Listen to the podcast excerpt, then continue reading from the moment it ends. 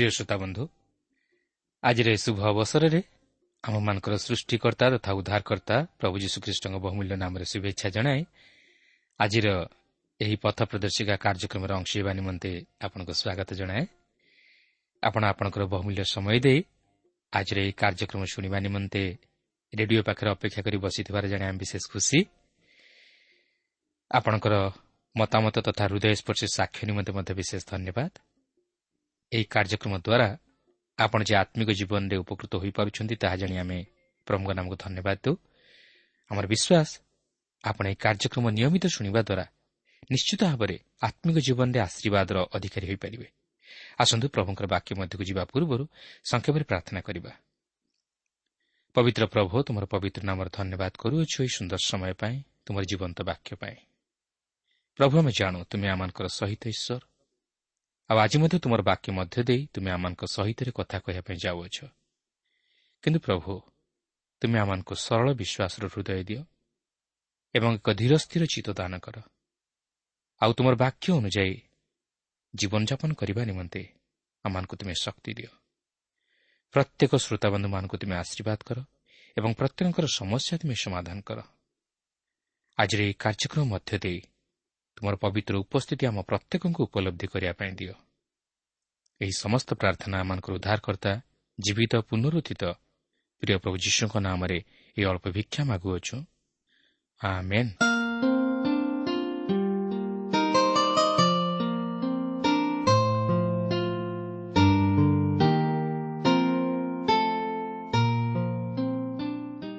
ଆସନ୍ତୁ ବର୍ତ୍ତମାନ ଆମେ ପ୍ରଭୁଙ୍କର ବାକ୍ୟ ମଧ୍ୟକୁ ଯିବା। ଆଜି ଆମେ ଋତ ପୁସ୍ତକର ଦୁଇ ପର୍ବର ଚଉଦ ପଦରୁ ଆରମ୍ଭ କରି କୋଡ଼ିଏ ପଦ ପର୍ଯ୍ୟନ୍ତ ଅଧ୍ୟୟନ କରିବା ନିମନ୍ତେ ଯିବା ତେବେ ଗତ ଆଲୋଚନାରେ ଆମେ ଦେଖିଥିଲୁ ବୟଜଙ୍କ ସହିତ ଋତର କଥୋପକଥନ ବୟଜ ଋତଙ୍କ ପ୍ରତି ସହାନୁଭୂତି ଦେଖାଇ ତାହାଙ୍କୁ ନିଜ କ୍ଷେତ୍ରରେ ଶିଶା ସାଉଁଟିବାକୁ ଅନୁମତି ଦେଲେ ଓ ଏଥିସହିତ ତାହାଙ୍କୁ ସୁରକ୍ଷା ପ୍ରଦାନ କଲେ ଯାହାକି ଋତ କେବେ ହେଲେ ତାଙ୍କ ଜୀବନରେ ଏପରି ସାହାଯ୍ୟ ସହାନୁଭୂତି ଓ ସୁରକ୍ଷା ପାଇବେ ବୋଲି ଆଶା କରିନଥିଲେ। କାରଣ ସେ ଜଣେ ମୟାବିଆ ସ୍ତ୍ରୀ ଥିଲେ ଓ ଦରିଦ୍ର ବିଧବା ଥିଲେ। ତାଛଡ଼ା ମୟାବିୟମାନଙ୍କ ସହିତ ଇସ୍ରାଏଲୀମାନଙ୍କର ସେପରି ସଦ୍ଭାବ କିମ୍ବା ସମ୍ପର୍କ ମଧ୍ୟ ନଥିଲା। ତେଣୁ ଋତଙ୍କ ପ୍ରତି ଏହା ଏକ ଆଶ୍ଚର୍ଯ୍ୟର ବିଷୟ ଥିଲା। ମାତ୍ର ବୟଜ ଋତଙ୍କ ବିଷୟରେ ଶୁଣିଥିବାରୁ ଓ ତାହାଙ୍କର ସ୍ୱଭାବ ଚରିତ୍ର ଓ ଇସ୍ରାଏଲ୍ର ଈଶ୍ୱରଙ୍କ ପ୍ରତି ଭକ୍ତି ଓ ବିଶ୍ୱାସ ବିଷୟ ଜାଣିଥିବାରୁ ତାହାଙ୍କ ପ୍ରତି ଆସକ୍ତ ହେଲେ ଓ ତାହାଙ୍କୁ ପ୍ରେମ କରିବାକୁ ଆରମ୍ଭ କଲେ। ମାତ୍ର ଋତ ତାହା ଜାଣିପାରିନଥିଲେ କିନ୍ତୁ ଋତ ବୟୋଜଙ୍କଠାରୁ ସାହାଯ୍ୟ ଓ ସହାନୁଭୂତି ପାଇ ଆଶ୍ଚର୍ଯ୍ୟ ହେବା ସଙ୍ଗେ ସଙ୍ଗେ ତାହା ଯେ କେବଳ ଈଶ୍ୱରଙ୍କ ଅନୁଗ୍ରହ ତାହା ସେ ନିଜେ ହୃଦୟଙ୍ଗମ କରିପାରିଥିଲେ। ତେଣୁ ସେ ବୟୋଜଙ୍କ ନିକଟରେ ନିଜ ହୃଦୟର କୃତଜ୍ଞତା ଜ୍ଞାପନ କରିବା ସଙ୍ଗେ ସଙ୍ଗେ ନିଜକୁ ଅତି ହୀନ ମନେ କରୁଛନ୍ତି। ଏପରିକି ବୟୋଜଙ୍କ ଦାସୀମାନଙ୍କଠାରୁ ମଧ୍ୟ ନିଜକୁ ହୀନ ତଥା ତୁଚ୍ଛ ମନେ କରୁଅଛନ୍ତି। ତେବେ ଏହାପରେ ବୟୋଜ ଋତଙ୍କର ମନକୁ ତାହାଙ୍କ ଆଡ଼କୁ ଆକର୍ଷିତ କରାଇବା ପାଇଁ ଆଉ କ'ଣ କରିବା ପାଇଁ ଯାଉଅଛନ୍ତି ଆସନ୍ତୁ ତାହା ବର୍ତ୍ତମାନ ଲକ୍ଷ୍ୟ କରିବା। ଦୁଇ ପର୍ବର ଚଉଦ ପଦରେ ଏହିପରି ଲେଖା ଅଛି ଭୋଜନ ସମୟରେ ବୈଜ ତାହାକୁ କହିଲା ତୁମ୍ଭେ ଏଠାକୁ ଆସି ରୁଟି ଭୋଜନ କର ଓ ଆପଣା ରୁଟି ଖଣ୍ଡ ଅମଳ ରସରେ ବୁଡ଼ାଅ ତହିଁରେ ସେ ଶସ୍ୟଛେଦକମାନଙ୍କ ନିକଟରେ ବସିଲା। ପୁଣି ବୟଜ ତାହାକୁ ଭଜା ଶସ୍ୟ ଆଣିଦେଲା। ତହିଁରେ ସେ ଭୋଜନ କରି ତୃପ୍ତ ହେଲା ଓ କିଛି ଅବଶିଷ୍ଟ ରଖିଲା। ଦେଖନ୍ତୁ ବୟଜ ତାହାକୁ ତାହାଙ୍କ ସହିତ ଭୋଜନ କରିବା ନିମନ୍ତେ ନିମନ୍ତ୍ରଣ ଜଣାଉଛନ୍ତି। ଆପଣ ଚିନ୍ତା କରିପାରୁଛନ୍ତି ସେହି ସମୟରେ ଯଦିଓ ଏ ପ୍ରକାର ରୀତିନୀତି ନଥିଲା ବା ସେହି ସମୟର ସଭ୍ୟତା ସେତେ ଦୂର ଅଗ୍ରଗତି କରିନଥିଲା ମାତ୍ର ବୟୋଜ ତାହାକୁ ତାହାଙ୍କ ସହିତ ବସି ଭୋଜନ କରିବା ନିମନ୍ତେ ନିମନ୍ତ୍ରଣ କରୁଛନ୍ତି ଓ ସେ ମଧ୍ୟ ତାହାଙ୍କ ସାଙ୍ଗେ ବସି ଭୋଜନ କରୁଛନ୍ତି। ମୁଁ ଭାବୁଛି ବୟଜ ଯେତେ ଶୀଘ୍ର ପାରନ୍ତି ଋତୁକୁ ତାହାଙ୍କର କରିନେବାକୁ ଚାହାନ୍ତି। ଦେଖନ୍ତୁ ବୋଧହୁଏ ଦିନ ଦଶଟା ସମୟରେ ଋତୁଙ୍କ ସହିତ ବୟଜଙ୍କର ଦେଖା ହୋଇଛି। ମାତ୍ର ମଧ୍ୟାହ୍ନ ବାର ଘଣ୍ଟା ସମୟରେ ସେମାନେ ଏକାଠି ବସି ଭୋଜନ କରୁଛନ୍ତି। ପ୍ରକୃତରେ ବୟଜଙ୍କୁ ମାନିବାକୁ ହେବ। ସେ ପ୍ରକୃତରେ ହିରୋ। କିନ୍ତୁ ମୁଁ ପଚାରିବାକୁ ଚାହେଁ ଯେ ବୟଜ କ'ଣ ପ୍ରକୃତରେ ଋତୁର ପ୍ରତି ଆସକ୍ତ ଥିଲେ? ହଁ ସେ ତାହା ସହିତ ପ୍ରେମରେ ପଡ଼ିଯାଇଥିଲେ ଓ ସେ ବର୍ତ୍ତମାନ ତାହାକୁ ନିଜର ସ୍ତ୍ରୀ ରୂପେ ଗ୍ରହଣ କରିବା ପାଇଁ ପ୍ରତ୍ୟେକ ବିଷୟରେ ତାହାକୁ ସାହାଯ୍ୟ କରିବା ପାଇଁ ଯାଉଅଛନ୍ତି ଯେପରି ସେ ତାହାର ମନକୁ ହରଣ କରିପାରନ୍ତି ଓ ତାହାକୁ ନିଜର କରିପାରନ୍ତି। ତେବେ ଦେଖନ୍ତୁ ପନ୍ଦର ଓ ଷୋହଳ ପଦରେ ଏହିପରି ଲେଖା ଅଛି ତହୁଁ ସେ ରାଁ କରିବାକୁ ଉଠନ୍ତେ। ବୟଜ ତାହାର ଯୁବାଗଣକୁ ଆଜ୍ଞା ଦେଇ କହିଲା ଏହାକୁ ବିଡ଼ା ମଧ୍ୟରେ ସୁଦ୍ଧା ସାଉଁଟିବାକୁ ଦିଅ। ପୁଣି ତାହାକୁ ଲଜ୍ଜା ଦିଅ ନାହିଁ। ପୁଣି ଏହା ପାଇଁ ବିଡ଼ାରୁ କିଛି କିଛି ପକାଇଯାଅ। ସେ ତାହା ସାଉଁଟୁ ଆଉ ତାହାକୁ ଧମକାଅ ନାହିଁ ସାଧାରଣତଃ ଜଣେ ପୁଅ ଜଣେ ଝିଅକୁ ପ୍ରେମ କରିବା ସମୟରେ ଏହିପରି ଘଟେ। ସେ ନିଜର ପ୍ରେମିକାର ମନକୁ ନିଜର କରିବା ପାଇଁ ଅନେକ ବିଷୟରେ ସାହାଯ୍ୟ କରିଥାଏ ଓ ଅନେକ କିଛି ବିଷୟ ତା ପାଇଁ କରିଥାଏ।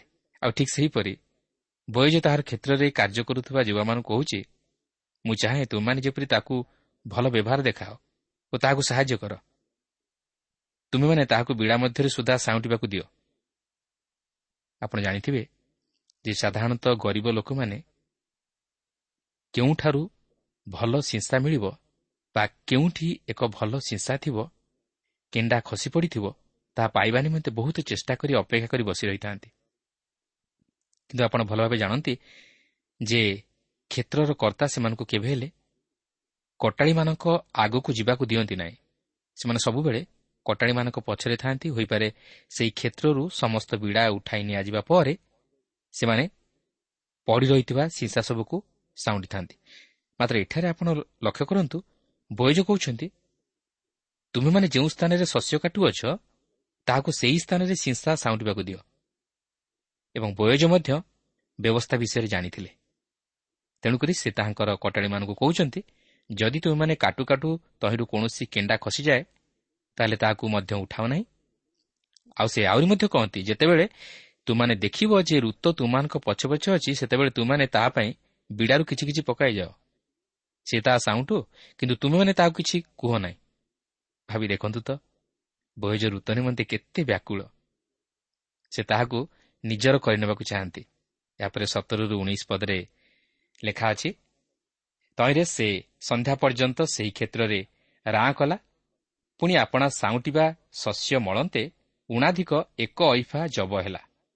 ଅନନ୍ତର ସେ ତାହା ନେଇ ନଗରକୁ ଗଲା। ଆଉ ସେ ଯାହା ସାଉଁଟି ଥିଲା ତାହା ତାହାର ଶାଶୁ ଦେଖିଲା ଓ ମଧ୍ୟ ଭୋଜନ ସମୟରେ ତୃପ୍ତ ହେଲା ଉତ୍ତରେ ଯାହା ଅବଶିଷ୍ଟ ରଖିଥିଲା ତାହା ବାହାର କରି ତାହାକୁ ଦେଲା। ତହୁଁ ତାହାର ଶାଶୁ ତାହାକୁ ପଚାରିଲା ତୁମେ ଆଜି କେଉଁଠାରୁ ରାଁ କଲ ଓ କେଉଁଠାରେ କର୍ମ କଲ? ଯିଏ ତୁମର ପରିଚୟ ନେଲା ସେ ଧନ୍ୟ ହେଉ। ତେଣୁ ସେ ଯାହା ପାଖରେ କର୍ମ କରିଥିଲା ତାହା ଶାଶୁକୁ ଜଣାଇ କହିଲା ଯାହା ପାଖରେ ଆଜି କର୍ମ କଲି ତାର ନାମ ବୋୟଜ।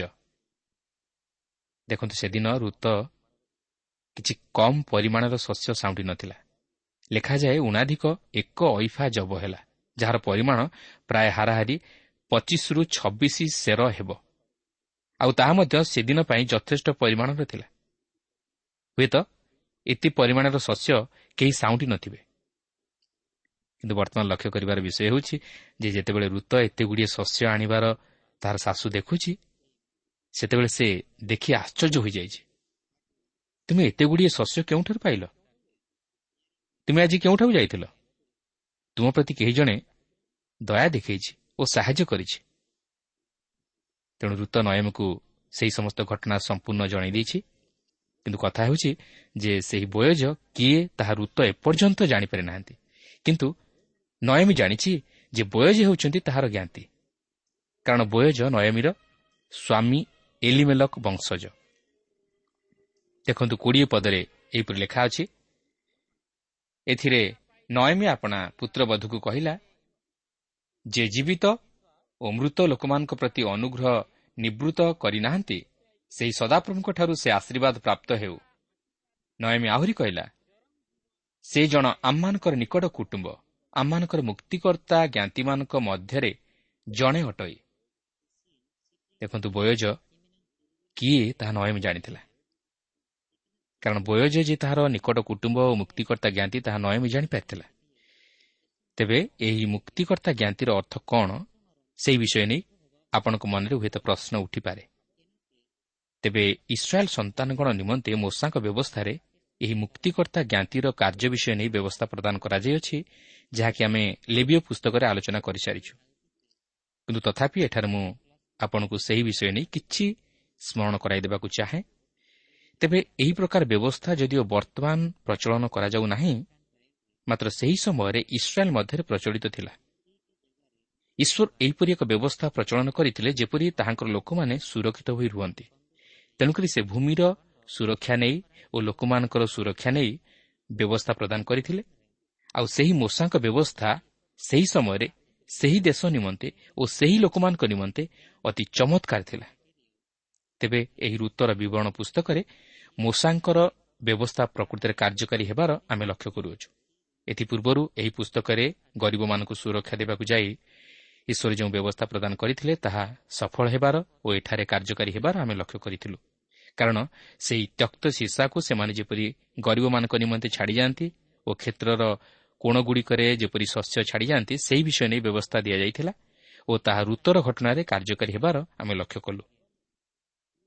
ବର୍ତ୍ତମାନ ମଧ୍ୟ ଆମେ ଦେଖୁଛୁ ଯେ ଈଶ୍ୱର ତାଙ୍କର ଲୋକମାନଙ୍କର ଓ ଭୂମିର ସୁରକ୍ଷା ନିମନ୍ତେ ଯେଉଁ ବ୍ୟବସ୍ଥା ପ୍ରଦାନ କରିଥିଲେ ଅର୍ଥାତ୍ ଯେଉଁ ମୁକ୍ତିକର୍ତ୍ତା ଜ୍ଞାତିର ବ୍ୟବସ୍ଥା ପ୍ରଦାନ କରିଥିଲେ ତାହା ମଧ୍ୟ ଏହି ଋତ ଜୀବନରେ ସଫଳ ତଥା କାର୍ଯ୍ୟକାରୀ ହେବାକୁ ଯାଉଅଛି।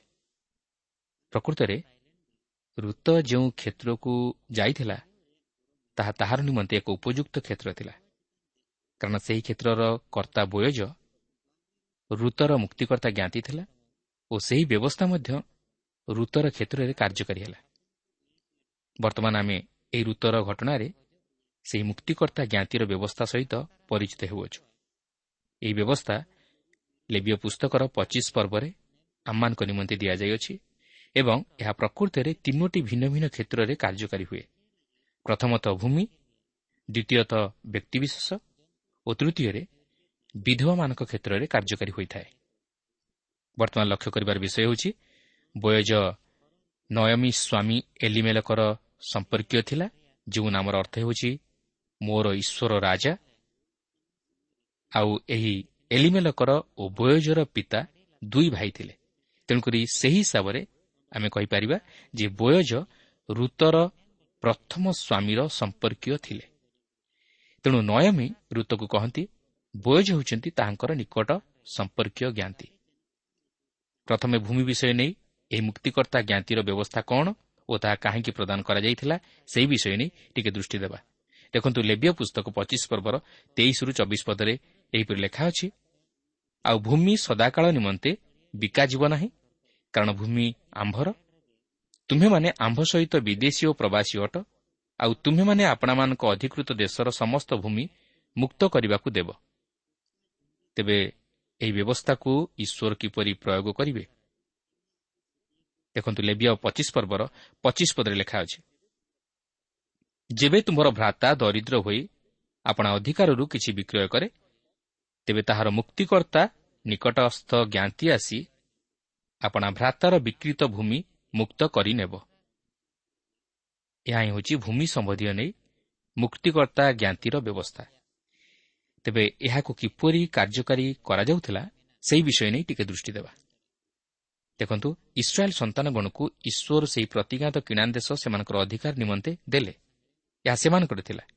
ସେମାନେ ସେମାନଙ୍କର ଈଶ୍ୱରଙ୍କ ପ୍ରତି ବିଶ୍ୱସ୍ତତା ନେଇ ସେହି ଦେଶକୁ ଅଧିକାର କଲେ। କିନ୍ତୁ ଯେତେବେଳେ ସେମାନଙ୍କର ଜୀବନରେ ଈଶ୍ୱରଙ୍କ ପ୍ରତି ଅବିଶ୍ୱସ୍ତତା ଦେଖାଦେଲା ଈଶ୍ୱର ସେମାନଙ୍କୁ ସେହି ଦେଶରୁ ବିତାଡ଼ିତ କଲେ। ସେ କହିଲେ ଭୂମି ହେଉଛି ଆମ୍ଭର ଓ ଆମ୍ଭେ ତୁମମାନଙ୍କୁ ତାହା ଅନନ୍ତକାଳୀନ ଅଧିକାର ସ୍ୱରୂପେ ଦେଲୁ।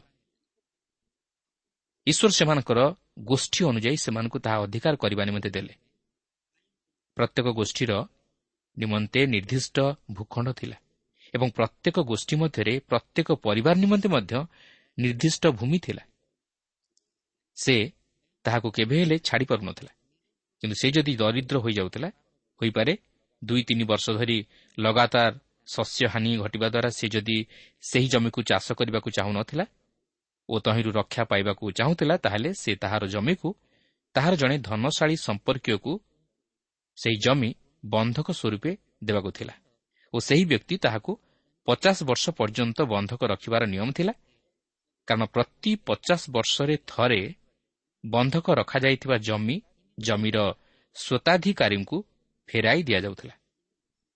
ଏହି ବ୍ୟବସ୍ଥା ଅନୁଯାୟୀ ଜମି ବା ଭୂମି ଏକ ପରିବାରର ଅଧିକାର ମଧ୍ୟରେ ରହିପାରୁଥିଲା।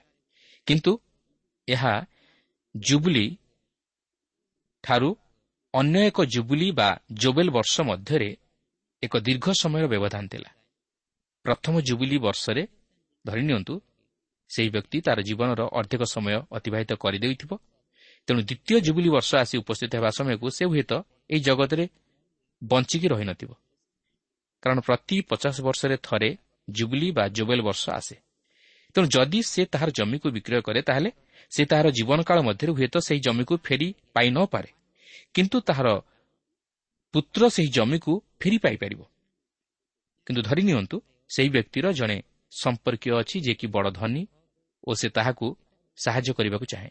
ତାହେଲେ ସେହି ଧନୀ ବ୍ୟକ୍ତି ଆସି ସେହି ସମସ୍ତ ଜମିର ମୂଲ୍ୟ ବନ୍ଧକ ରଖିଥିବା ବ୍ୟକ୍ତିକୁ ଦେଇ ଜୋବେଲ ବର୍ଷ ପୂର୍ବରୁ ମଧ୍ୟ ସେହି ଜମିକୁ ମୁକ୍ତ କରି ଜମିର ସ୍ୱତ୍ୱାଧିକାରୀଙ୍କୁ ଫେରାଇ ଦେଇପାରିବ ଏହା ହିଁ ଥିଲା ଈଶ୍ୱରଙ୍କର ଯୋଜନା ଯେପରି ଭୂମି ଅନ୍ୟ ହସ୍ତକୁ ନ ଯାଏ ମାତ୍ର ଭୂମିର ସ୍ୱତ୍ୱାଧିକାରୀଙ୍କ ଅଧୀନରେ ରହେ। ପ୍ରକୃତରେ ସେହି ପ୍ରକାର ଏକ ଧନୀ ସମ୍ପର୍କୀୟ ଆମମାନଙ୍କର ରହିବା ଉଚିତ। ସେହି ପ୍ରକାର ଜଣେ ଧନୀ ଉଦ୍ଧାରକର୍ତ୍ତାଙ୍କୁ ଆମମାନେ ଗ୍ରହଣ କରିବା ଉଚିତ ଯିଏକି କେବଳ ଜାଗତିକ ଧନ ନିମନ୍ତେ ନୁହେଁ ମାତ୍ର ସେହି ଆତ୍ମିକ ଧନର ଅଧିକାରୀ ହେବା ନିମନ୍ତେ ଆମମାନଙ୍କୁ ସାହାଯ୍ୟ କରିପାରିବେ ଓ ତହିଁର ଅଧିକାରୀ କରାଇପାରିବେ।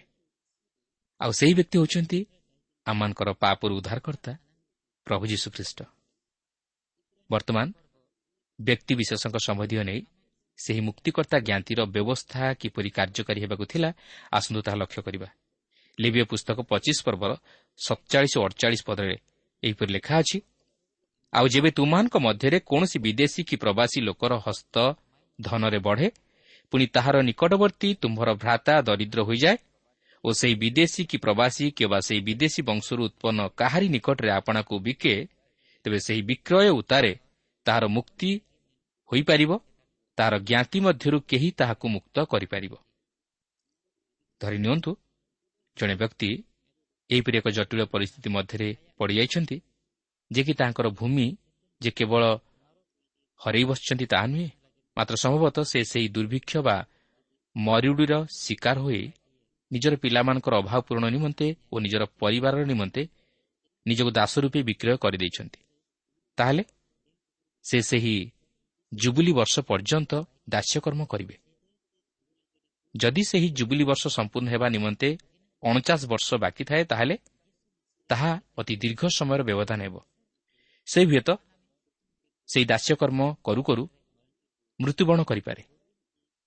କିନ୍ତୁ ଧରି ନିଅନ୍ତୁ ତାହାର କେହି ଜଣେ ଧନୀ ଆତ୍ମୀୟ ଅଛନ୍ତି ଯେ କି ସେହି ଲୋକ ପ୍ରତି ଦୟା ପରବଶ ହୋଇ ସେ ଯାହା ନିକଟରେ ଦାସ୍ୟକର୍ମ କରୁଅଛି ତାହାକୁ ସେହି ଦାସ୍ୟକର୍ମର ସମ୍ପୂର୍ଣ୍ଣ ମୂଲ୍ୟ ଦେଇ ଉଦ୍ଧାର କରିବାକୁ ଚାହାନ୍ତି ତାହେଲେ ସେ ସେହି ମୂଲ୍ୟ ପରିଶୋଧ କରି ତାହାକୁ ଜୋବେଲ ବର୍ଷ ପୂର୍ବରୁ ମଧ୍ୟ ମୁକ୍ତ କରିପାରିବେ। ଆଉ ଠିକ୍ ସେହିପରି ଜଣେ ବିଧବା ନିମନ୍ତେ ମଧ୍ୟ ସେହି ବ୍ୟବସ୍ଥା ରହିଥିଲା। ପ୍ରିୟ ବନ୍ଧୁ ଠିକ୍ ସେହିପରି ପ୍ରଭୁ ଯୀଶୁଖ୍ରୀଷ୍ଟ ହେଉଛନ୍ତି ଆମମାନଙ୍କର ମୁକ୍ତିକର୍ତ୍ତା ଜ୍ଞାତି। ଏହି ବୟଜ ଋତର ମୁକ୍ତିକର୍ତ୍ତା ଜ୍ଞାତି ଥିଲେ। ଓ ସେ ମଧ୍ୟ ସେହି ମୂଲ୍ୟ ଦେଇ ତାହାଙ୍କୁ ମୁକ୍ତ କରି ଇସ୍ରାଏଲ୍ ମଣ୍ଡଳୀଭୁକ୍ତ କଲେ। ଯାହାକି ଆମେ ପରେ ଦେଖିପାରିବା। ଆଉ ଏହି ବୟଜ ଯିଏକି ଋତଙ୍କର ମୁକ୍ତିକର୍ତ୍ତା ଜ୍ଞାତି ଥିଲେ ସେ ହେଉଛନ୍ତି ଆମମାନଙ୍କର ଉଦ୍ଧାରକର୍ତ୍ତା ପ୍ରଭୁ ଯୀଶୁଖ୍ରୀଷ୍ଟଙ୍କର ନିଦର୍ଶନ ସ୍ୱରୂପ। ସେହି ପ୍ରଭୁ ଯୀଶୁଖ୍ରୀଷ୍ଟ ଆମମାନଙ୍କର ଉଦ୍ଧାରକର୍ତ୍ତା ତଥା ମୁକ୍ତିଦାତା। ସେହି କାରଣରୁ ପ୍ରାୟଶ୍ଚିତ ଶବ୍ଦର ପରିବର୍ତ୍ତେ ଉଦ୍ଧାରକର୍ତ୍ତା ଶବ୍ଦଟି ବିଶେଷ କରି ନୂତନ ନିୟମରେ ବ୍ୟବହୃତ ହୋଇଅଛି। କାରଣ ପ୍ରାୟଶ୍ଚିତ ପାପକୁ ଢାମ୍ପି ଦିଏ। ମାତ୍ର ଉଦ୍ଧାର ବା ମୁକ୍ତିର ଅର୍ଥ ମୂଲ୍ୟ ଦେବା ଯଦ୍ୱାରା ଜଣେ ଉଦ୍ଧାର ପାଇଥିବା ବ୍ୟକ୍ତି ମୁକ୍ତି ଲାଭ କରେ। ପ୍ରଭୁ ଯୀଶୁଖ୍ରୀଷ୍ଟ କେବଳ ଆମମାନଙ୍କୁ ପାପରୁ ଉଦ୍ଧାର କରିବା ନିମନ୍ତେ ମୃତ୍ୟୁବରଣ କଲେ ନାହିଁ ମାତ୍ର ସେ ମଧ୍ୟ ଏହି ପୃଥିବୀକୁ ମୁକ୍ତ କରିବା ନିମନ୍ତେ ମୃତ୍ୟୁବରଣ କଲେ। ଆପଣ ଓ ମୁଁ ଆମେ ଯେଉଁ ପୃଥିବୀ ଉପରେ ବସବାସ କରୁଅଛୁ ତାହା ଦିନେ ଦୁର୍ନୀତିର ବନ୍ଧନରୁ ମୁକ୍ତ ହେବାକୁ ଯାଉଅଛି ଏବଂ ଏକ ନୂତନ ଆକାଶମଣ୍ଡଳ ଓ ନୂତନ ପୃଥିବୀ ହେବାକୁ ଯାଉଅଛି। ତାହା ହେଉଛି ତାହାଙ୍କ ଉଦ୍ଧାରର ଏକ ଅଂଶ। ବାସ୍ତବରେ ମୁକ୍ତିକର୍ତ୍ତା ଜ୍ଞାତିର ଉଦାହରଣ ହେଉଛନ୍ତି ବୟଜ। କିନ୍ତୁ ଏହା ସେହି ଉଦ୍ଧାରର ସ୍ୱର୍ଗୀୟ ପ୍ରେମକୁ ପ୍ରକାଶ କରେ। ଯେଉଁ ପ୍ରେମ କି ଈଶ୍ୱର କେବଳ ପ୍ରଭୁ ଯୀଶୁ ଖ୍ରୀଷ୍ଟଙ୍କ ମାଧ୍ୟମରେ ପ୍ରକାଶ କଲେ ତେଣୁ ବୟଜଙ୍କ ପ୍ରେମ କାହାଣୀ ସେହି ଉଦ୍ଧାରର ପ୍ରେମ କାହାଣୀକୁ ପ୍ରକାଶ କରେ। ତେବେ ଆମେ ସେହି ପ୍ରେମ କାହାଣୀକୁ ପରବର୍ତ୍ତୀ କାର୍ଯ୍ୟକ୍ରମରେ ଅଧ୍ୟୟନ କରି ଆଲୋଚନା କରିବାକୁ ଯିବା କିନ୍ତୁ ଆଜି ଆମେ ନିଜକୁ ପଚାରୁ ମୁଁ କ'ଣ ପ୍ରଭୁ ଯୀଶୁଙ୍କର ସେହି କୃଷିୟ ପ୍ରେମର ବାସ୍ତବତାକୁ ଉପଲବ୍ଧି କରିପାରିଛି କି? ମୁଁ କ'ଣ ପ୍ରଭୁ ଯୀଶୁଖ୍ରୀଷ୍ଟଙ୍କୁ ମୋହର ବ୍ୟକ୍ତିଗତ ଉଦ୍ଧାରକର୍ତ୍ତା ରୂପେ ଗ୍ରହଣ କରିପାରିଛି କି? ଯଦି ନାହିଁ ତାହେଲେ ଏହି ବୟୋଜ ଓ ଋତଙ୍କର ପ୍ରେମ କାହାଣୀ ମାଧ୍ୟମରେ ପ୍ରଭୁ ଯୀଶୁଙ୍କର ସେହି ଉଦ୍ଧାରର ପ୍ରେମକୁ ବୁଝିବା ନିମନ୍ତେ ଚେଷ୍ଟା କରନ୍ତୁ। ପ୍ରିୟ ବନ୍ଧୁ ପ୍ରଭୁ ଯୀଶୁ ଆମମାନଙ୍କ ନିମନ୍ତେ ନିଜର ପ୍ରାଣ ଦେଇଅଛନ୍ତି। ନିଜର ପବିତ୍ର ରକ୍ତ ଦେଇଅଛନ୍ତି। ଯେପରି ସେ ଆମମାନଙ୍କୁ ପାପରୁ ଉଦ୍ଧାର କରି ଆମମାନଙ୍କୁ ମୁକ୍ତି ଦିଅନ୍ତି ଆମମାନଙ୍କୁ ପରିତାଣର ଅଧିକାରୀ କରାନ୍ତି ଈଶ୍ୱରଙ୍କ ସନ୍ତାନ ହେବାର ଅଧିକାର ପ୍ରଦାନ କରନ୍ତି।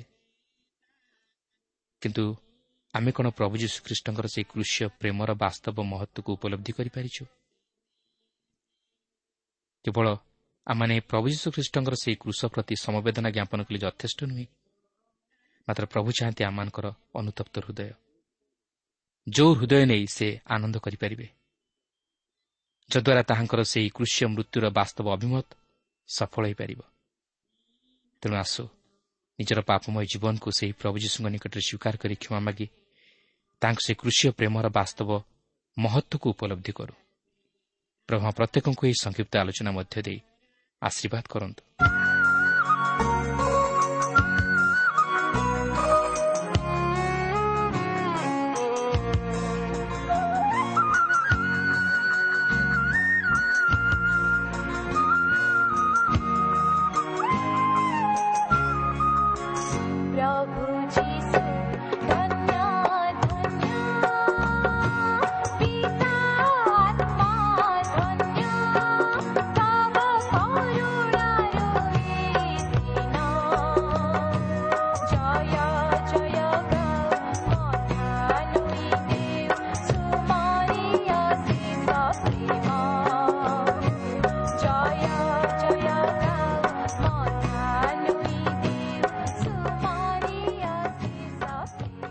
শ্রোতা এই কার্যক্রম শুণিবার আপনার অশেষ ধন্যবাদ এই কার্যক্রম আপনার কিপর লাগিলা ও কেউ বিষয়টি আপনার হৃদয় অধিক স্পর্শ করেছে তাহা লেখি জনাইলে আমি বিশেষ উপকৃত হব যদি কিছু প্রশ্ন বা সন্দেহ থাকে তাহা পত্র মাধ্যমে অথবা টেলিফোন যোগে আমি জনা আমার ঠিকনা পথ প্রদর্শিকা Trans World Radio India post box number ତିନି ତିନି ଭୁବନେଶ୍ୱର ସାତ ପାଞ୍ଚ ଏକ ଶୂନ ଶୂନ ଏକ mobile number nine seven double seven double two one four one five ଠିକଣାଟି ଆଉଥରେ ଶୁଣନ୍ତୁ ପଥ ପ୍ରଦର୍ଶିକା Trans World radio India post box number three three Bhubaneswar seven five one zero zero one mobile number nine seven double seven double two one four one five ଆମର email ଆଡ୍ରେସଟି ଲେଖି ରଖନ୍ତୁ Odia TTV at radio eight eight two dot com